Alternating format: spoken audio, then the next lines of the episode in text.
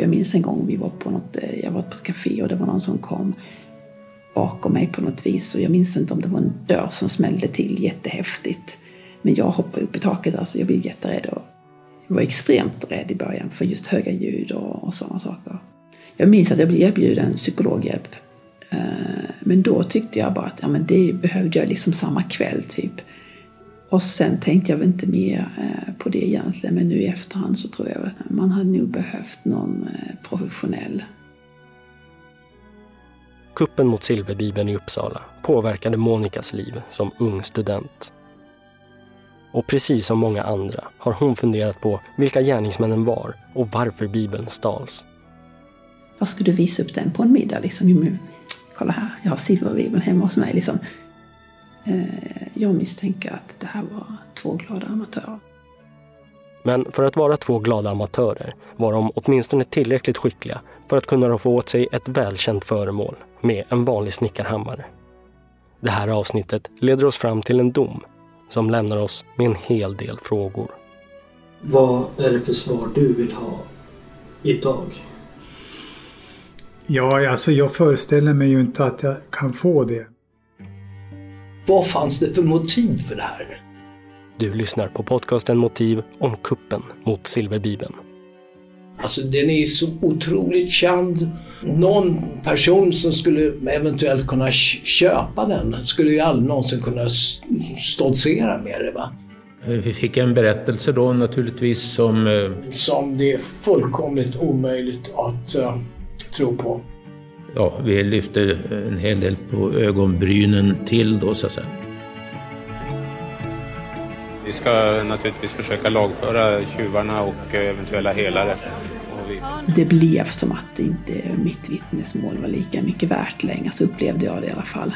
Hade vi haft en, en annan hyfsat lik person, då kan han ha blivit fälld för stölden. Kuppen mot Silverbibeln är en dokumentärserie i fyra delar om en mystisk kulturstöld under 90-talet. Reporter är Ebba Adsenius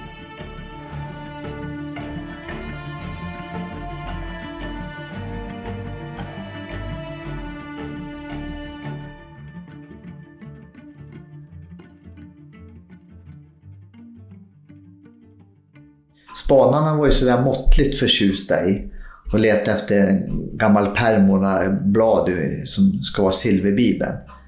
Eh, det var liksom inte det vi brukar jobba med. Vi brukar leta efter mördare och rånare och, och, och sånt här. Men eh, naturligtvis, vi fick ett uppdrag och ju mer tiden gick, ju mer förstod vi att eh, vilket intresse det var i den här och vilket värde den har. Det är den 12 juni år 1995. Spaningarna mot butiken på Malmskillnadsgatan har pågått i snart tre veckor och engagemanget från spanarna börjar sakta men säkert att svalna. Vi hör polisen Kenneth Ågren. De drack Coca-Cola på företaget. De första som var där eh, var väldigt varmt en dag och solen låg på. Och då sa de på firman att ni får gärna ta en Coca-Cola om ni vill. Och då hade de den här gamla varianten med glasflaskorna. Så det var lite nostalgi att dricka sådana. Eh, och, eh, och sen berättade vi det naturligtvis för alla andra som satt ute runt i bilarna. Så när de kom in och, och satt där, då, alla drack ju Coca-Cola då. Det slutade med att vi fick en eh, hyfsad nota sen på, på Coca-Cola. Efter många och långa dagar och ett tips från en polisinformatör tar åklagaren i Uppsala beslut om att gripa fyra personer misstänkta för grov stöld. Karina som äger butiken, hennes pojkvän Jerry och sen Emil och Anders som visat sig vara nära vänner med Jerry. De här grabbarna höll ju på med sånt också. Och jag hade haft de här i andra ärenden som vi hade spanat på tidigare. Polisen misstänker att det är Jerry, Emil och Anders som har utfört själva stölden. Två som sprungit in och en som väntat kvar i en bil. Magkänslan var hos alla att här har vi gärningsmännen. Utöver att gripa personerna planerar man också att göra husrannsakan i butiken och i personernas bostäder. Men Jerry har vid den här tiden ingen känd adress. Då organiserade jag upp det där. Vi var spanade dagarna före på de platser vi skulle slå på. De som hade ansvar för varje plats, de får räcka upp platser där man ska sitta och spana. Vilka som ska gå in och göra husrannsakan, vilka som ska köra hem dem eh, till Uppsala. Och sen ringde Kjell en morgon och sa att nu var det dags, nu skulle vi slå idag. Strax efter klockan sju på morgonen, onsdagen den 14 juni, slår man till. Och det är Kenneth som leder tillslagen. Jag ska ha kontroll på alla platserna som är ute. Ha kontakt med de andra grupperna. Har ni kommit in? Vad hittar ni? Har ni fått tag i den ni ska? Eh, går det som ska? Och så här. Och då vill jag sitta i fred. Karina, Emil och Anders grips hemma i sina bostäder. Och senare under dagen får man även tag i Jerry. Han upptäcktes ute på gatan utav en patrull och togs lite senare. Samtidigt påbörjar man husrannsakan och tekniska undersökningar på alla adresser. Vi, ställer, vi river inte ut och ställer till någon jäkla oreda som man kan se på filmer. Men vi går igenom allting. Om det är luckor i väggarna till någonting eller ventiler, i tak eller någonting. Vi tittar där. Vi tittar bakom element, vi tittar i spisen, vi tittar under diskbänkar, vi tittar i, kollar om det är stolsben som, är, som det är hål i. Som man kan stoppa ner saker i. Vi gardinstänger eller ja, vi, vi gör allting. Vi går igenom rubbet. Mitt på dagen gör man husrannsakan i klädbutiken och då hittar man en brun papperskasse med texten Suro London på. Det är samma typ av kasse som silverbibeln lämnades tillbaka i. Vi hör länspolismästaren Lars Nylén. Men det var ju också beslut om husrannsakan i, i, i kvinnans lägenhet. Eh, och eh, vår misstanke var då att eh, de här polaroidfotografierna var tagna i den lägenheten. I samband med att man går igenom Karinas lägenhet beslagtar man bland annat en mössa som liknar en rånarluva, ett biluthyrningskontrakt, några herrkepsar och tre stycken nummer av Dagens Nyheter. Men framför allt beslagtar man den blåröda badhandduken som spanarna redan vid första dörrknackningen la märke till. Och en liknande handduk hittas i tvättkorgen hemma hos Emil. Där beslagtar man utöver badhandduken även rånarluvor, kommunikationsradioapparater, svetsutrustning, bultsax, en batong och en polaroidkamera. I lägenheten hittas även två pistoler, varav en är en signalpistol. När man gör husrannsakan hos Anders, som under den här tiden bor hos sin flickvän och hennes mamma, hittar man bland annat sprängkapslar, sprängdeg och sprängladdning. Så vi fick med oss en hel del. Så att, eh, spanarna, de var väldigt nöjda. Vi åkte inte tomhänta ifrån dem utan vi hade hittat saker och ting. Personerna förs till Kronobergshäktet och sen vidare till häktet i Uppsala. Dagen därpå gör man en rekonstruktion av golvet i Karinas lägenhet. Lars Nylén igen. Polaroidbilderna som hade anträffats då av sotarna, de var tagna i den lägenheten.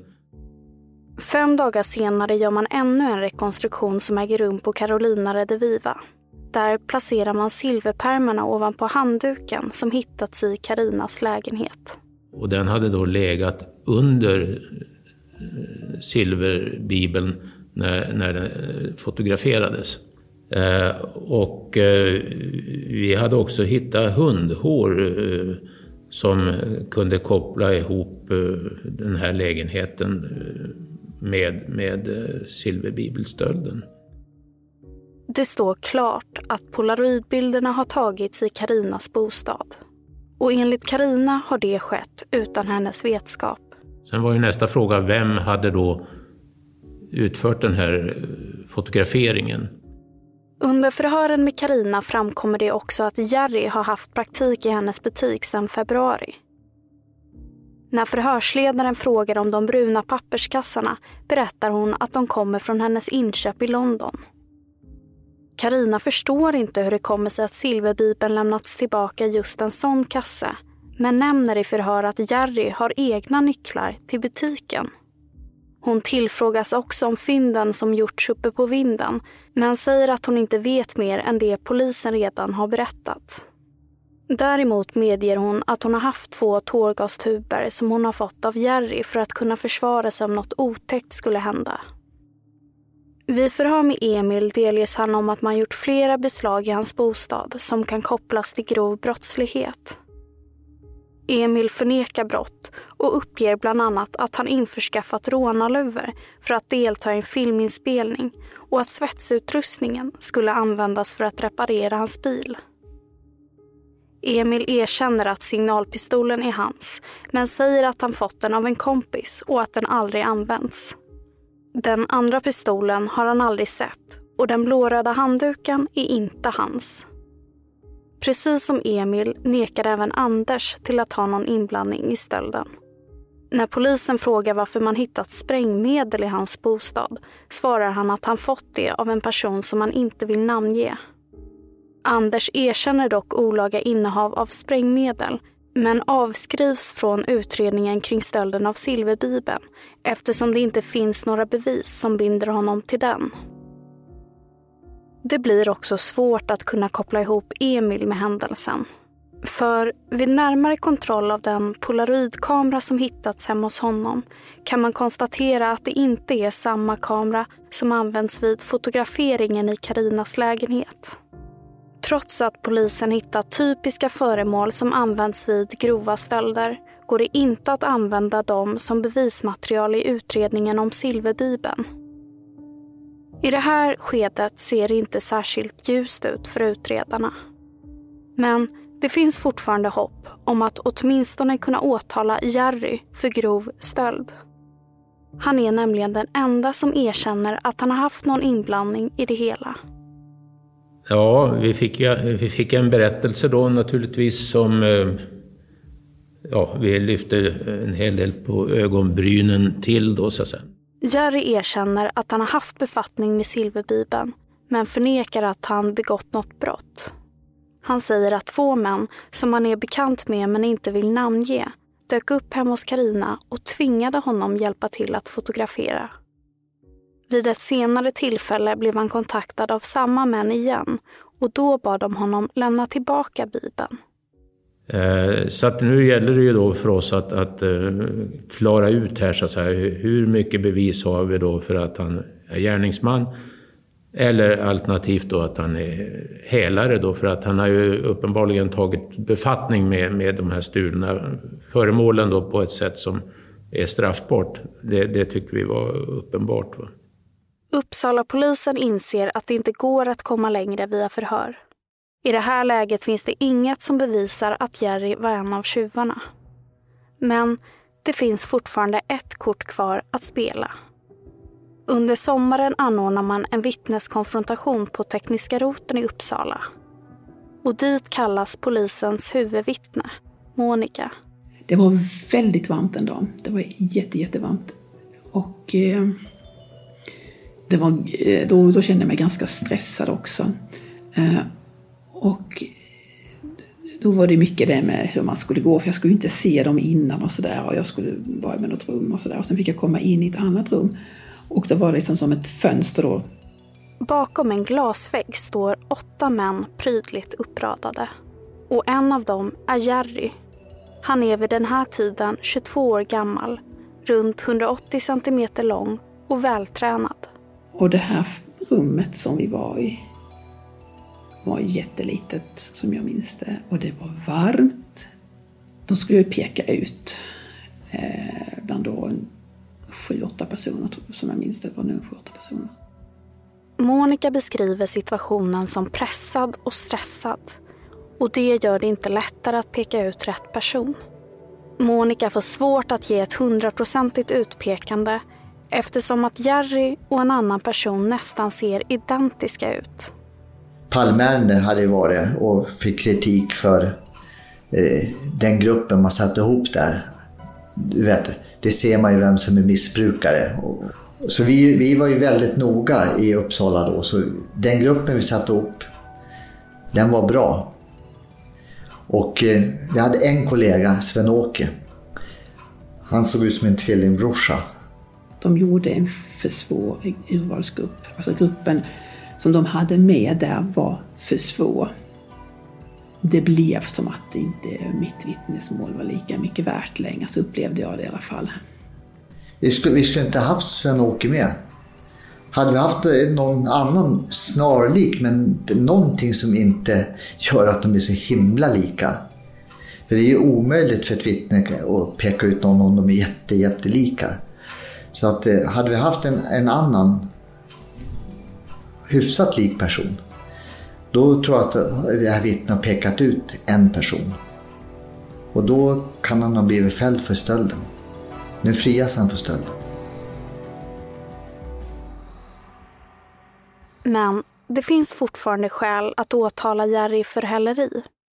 Ett brott som den som gömt eller sålt stulet gods kan dömas för. Nummer två var även nummer ett faktiskt, om jag ska vara tydlig. Men som, som jag kommer ihåg det också nu Mörrbäcka, så hade man haft en konfrontation med någon form av vittne. Där... Vi hör åklagaren Jonny Järlefelt som i januari 1996 tar över ärendet. Jag minns det väldigt väl det här för att jag kom tillbaks efter ledigheten och hittade x antal kartonger med förundersökningsprotokoll på mitt bord och undrade vad i hela friden är detta? Och eh, tittade igenom det och fick klart för mig då att eh, hela utredningen om eh, stölden av silverbibeln då låg i den här eh, förundersökningsprotokollet. Jonny går igenom förundersökningen och gör en objektiv bedömning på om det går att väcka åtal. Och det gör det. Dels eftersom Jerrys fingeravtryck hittats på ett föremål som legat i sotluckan uppe på vinden. Och det här skulle han naturligtvis då eh, ställdes ställdes ju mot honom och då valde han att eh, så att säga kliva in i en viss befattning eh, på silverbibeln. Men en befattning som om man trodde på honom skulle kunna leda till att han blev frikänd. Åtal väcks den 16 februari samma år och Jerry är då misstänkt för grovt häleri.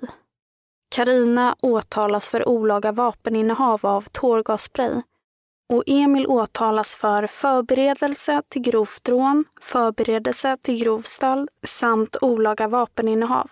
Eh, de två sistnämnda här, Karina och Emil, det var ju egentligen ingenting i åtalet mot dem som rörde silverbibeln. Tingsrättsförhandlingarna i Stockholms tingsrätt inleds först den 16 september. Vi hör åklagaren högläsa delar ur domen. Det här är Jerrys inställning. Hörd över åtalet har Jerry berättat bland annat följande. Han har inte haft någonting med tillgreppet av silverbiven att göra och fick höra talas om stölden via medierna. Våren 1995 hade han varit tillsammans med Karina sedan tre eller fyra år och det hände att han övernattade i hennes lägenhet på Enskärsgatan. Han hade en praktikplats i Karinas butik. Den tredje veckan i april 1995 blev han uppringd på Enskärsgatan av en person som bad att få komma upp till lägenheten. Efter en kort stund anlände två personer vars identitet han inte vågar avslöja eftersom det Personerna har silverbibeln med sig. De frågar om Jerry kan förvara bibeln åt dem, vilket han vägrar. Han var inte rädd för deras reaktioner på hans vägran. Han bad dem gå. När de började ordna för att fotografera silverbibeln protesterade han men vågade inte motsätta deras önskemål. Han frågade inte varför silverbibeln skulle fotograferas men drog den slutsatsen att det var för att sälja den på den illegala marknaden eller tillbaka till rätte ägaren. Den 5 maj blir Jerry återigen kontaktad av en av dessa personer som vill träffa Jerry och efter ett tag dyker den personen och ytterligare en person upp i butiken på Malmskillnadsgatan. Personerna ber Jerry lämna tillbaka Bibeln på centralstation då hans arbete började och frågade honom om han ville hjälpa dem att återställa silverbibeln. Han lade pergamentbladet i ett vadderat kuvert som fanns i butiken. Tog en taxi till centralen med en kasse med pärmarna och bladen. Efter det ringer Jerry upp en av personerna som gav honom uppdraget. Jerry berättar då att han lagt Bibeln i förvaringsbox 198. Mellan den 5 och 9 maj blir han på nytt kontaktad av personerna och blir då tillfrågad om han kan förvara pengar åt dem. Den 9 maj skulle han och Karina resa till London för att köpa kläder till hennes butik. För att godset skulle vara åtkomligt för personerna som lämnat det la han det i en sotningslucka på vinden som kan nås utifrån och som personerna kände till sedan tidigare. Fotografierna måste ha legat mellan sedlarna, men han kan inte förstå varför de låg kvar där. När han kom tillbaka från London besökte civila poliser dem på Ängskärsgatan. Han beslöt att flytta till sin kamrat Emil och tog med sig bland annat kläder, toalettsaker och en blåröd frottéhandduk som han trodde var den som använts vid fotograferingen. Jari berättar vidare att den spray han gett till Karina inte varit tårgasspray utan pepparspray, vilket inte är olagligt. I åklagarens öron låter Jerrys version inte särskilt sannolik, varken då eller idag. Vad tänker du när du läser det här nu? Jag tänker att det är en uppenbar efterhandskonstruktion som det är fullkomligt omöjligt att uh, tro på. Varför är det uh, Därför att det är för många orimligheter. Uh, att, två och två andra som är tveksamma till de uppgifter Jerry lämnar är säkerhetscheferna Pelle och Lars som sitter på åhörarbänken under rättegången. Hur upplevde du att de här personerna eh, förde sig? Liksom, uppfyllde de dina förväntningar? Nej, ja, det var inga klassiska banditer utan de var väldigt verserade och trevliga människor. Ja, det som slog mig det var att de här personerna som var så att säga ställda inför skranket här, att de var så unga. Och att de var så till synes oberörda det, det förvånade mig på något sätt. Alltså det, var, det var som att de skulle ha suttit i sådana där sammanhang eh, ja, jämt. Nej, jag utgick ifrån att eh, på de här punkterna de var åtalade för skulle de nog fällas allihop. Eh, det, det var jag nog övertygad om. För att ja, trovärdigheten, deras trovärdighet var inte så hög i alla fall. Pelles magkänsla stämmer. Den 11 oktober år 1996 meddelas tingsrättens dom och alla tre döms. Karina döms till dagsböter för olaga innehav av tårgasspray. Emil får fyra månaders fängelse för förberedelse till grov stöld och olaga vapeninnehav. Och sist men inte minst döms Jerry till två års fängelse för häleri. Han döms även för att han gett tårgas till Karina. Både Karina och Jerry överklagar till hovrätten och Karina frias eftersom pepparspray inte är olagligt. Sen dröjde det ett tag eh, innan eh, man kunde ha förhandlingen i hovrätten med Jerry och det där kommer jag ihåg väldigt, väldigt väl. För jag åkte till hovrätten och när jag kom, kom dit då fick jag klart för mig att han satt häktad för andra brott. Han har alltså blivit uh, häkt, häktad för no någonting som hade hänt i Sundbyholms travbana eller liknande. Jag, jag har vaga minnesbilder. Den 13 augusti år 1996 sker ett värdetransportrån mot Sundbyholms travbana utanför Eskilstuna. När den stora travbanan släcks ner vid 22.30-tiden slår tre k beväpnade män till. Sen försvinner de därifrån med nästan en miljon kronor i kontanter. Så småningom fångar en övervakningskamera på Stockholm central Jerry i full färd med att växla in sedlarna från det här rånet. Han grips och häktas senare, även då för häleri. Men han misstänks också för att vara en av rånarna.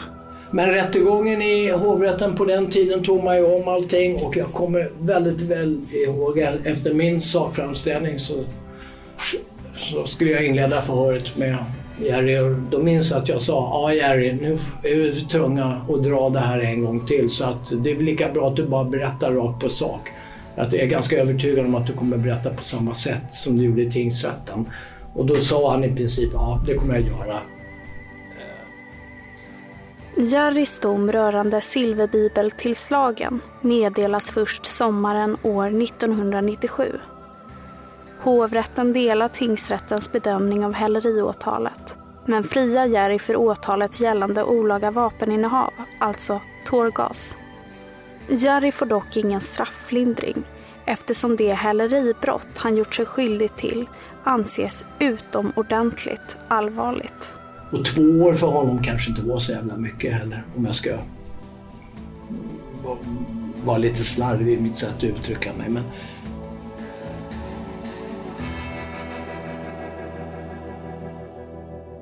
Ingen döms för själva stölden av silverbibeln. Polisen har ju sina misstankar, men bevisen har inte räckt hela vägen. Så varför skedde den här så kallade spektakulära och magnifika kuppen mot silverbibeln?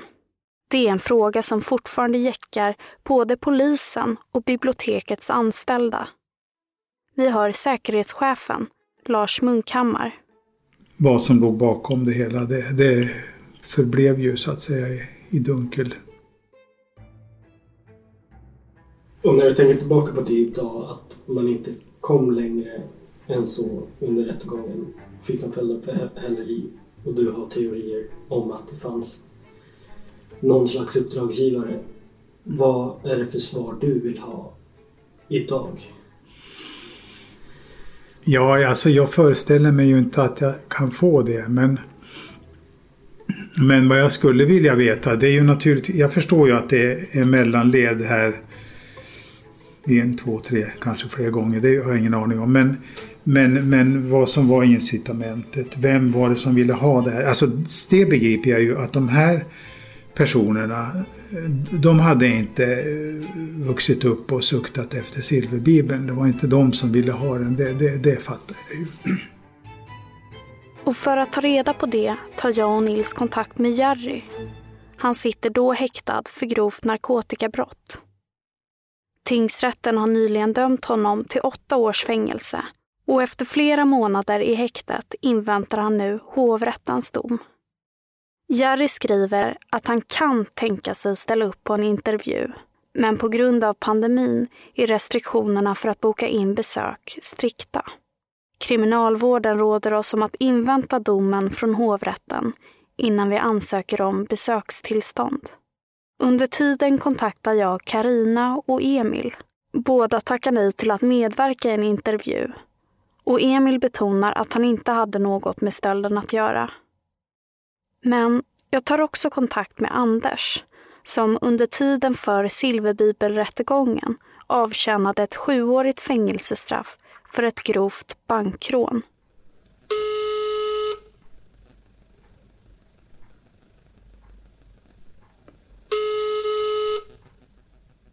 Har du tid att snacka en liten stund eller sitter du upptagen? Just nu är jag på väg någonstans. Men... Eh, Okej, okay. jag fattar. Eh, jag kan... Eh, ja, eller ring lite senare eller kan jag ringa tillbaka. Ja, absolut. Men jag tänkte bara fråga snabbt. Kan, skulle du kunna tänka dig att boka in ett möte typ nästa vecka så kan vi ja, träffas? Det kan jag. Ja. Och det visar sig att Anders, en av gärningsmännen som utförde kuppen mot silverbibeln, kan tänka ställa upp och prata om både hur och varför kuppen genomfördes. Du var en av personerna som stal den? Ja, det, kan, det, var, det var jag som stal den kan man säga. Vi begick brott typ hela tiden. Av Anders får vi många svar och till slut träffar vi även Jerry. Centralbanken? Ja hejsan, jag heter Ebba Adsenius. Jag har ett eh, besök inbokat klockan nio. Och det kommer visa sig att motivet bakom kuppen tycks långt mer komplicerat än vad vi först trott. Men det normala är att det här är pengar. Det ska generera ut i pengar. Och det är väldigt vanligt är att man stjäl för att sedan sälja tillbaka. Det var utlovade statsobligationer. Som betalnings. Ogrundade påståenden eh, i mångt och mycket. Du har lyssnat på podcasten Motiv och på den tredje delen om kuppen mot Silverbibeln. Av hänsyn har vissa namn ändrats. Mitt namn är Ebba Adsenius. Producent Nils Bergman. Ansvarig utgivare Jonas Häger. Tack för att ni lyssnar.